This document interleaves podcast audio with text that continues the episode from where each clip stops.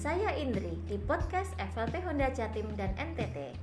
Kali ini kita akan ngobrol tentang tips menghadapi konsumen yang mengajukan keberatan yang biasa kita kenal dengan kata komplain. Yuk kita langsung tanya ke Beli Putu. Put, kamu udah tahukah tips menghadapi keluhan konsumen? Dulu kayaknya pernah dengar tuh bu, tapi kayaknya agak-agak lupa gitu. Hehehe. Ah, itu loh yang dibahas di training layanan buat FLP dan training complaint handling buat kepala cabang dan kepala bengkel.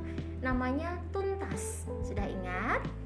Oh iya, saya ingat tuh bu. Tuntas itu kan ada singkatannya ya. T yang pertama itu tenangkan diri.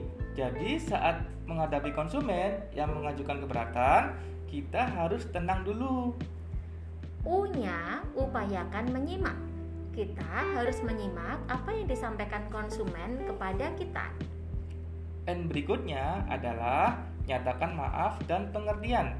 Jadi, jangan pernah malu untuk minta maaf ya. T selanjutnya adalah telusuri permasalahan. Bila harus berkoordinasi dengan atasan, boleh banget. Lanjut ke A.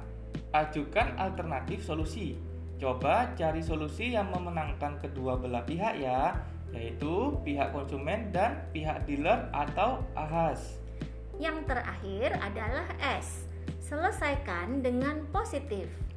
Kita harus memastikan hubungan kita dengan konsumen tetap baik sehingga konsumen akan mau lagi kembali ke kita bila mereka membutuhkan bantuan kita.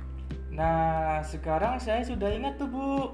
Semoga teman-teman juga ingat ya dan bisa dipraktekkan di ahas maupun dealer. Terima kasih. Salam satu hati.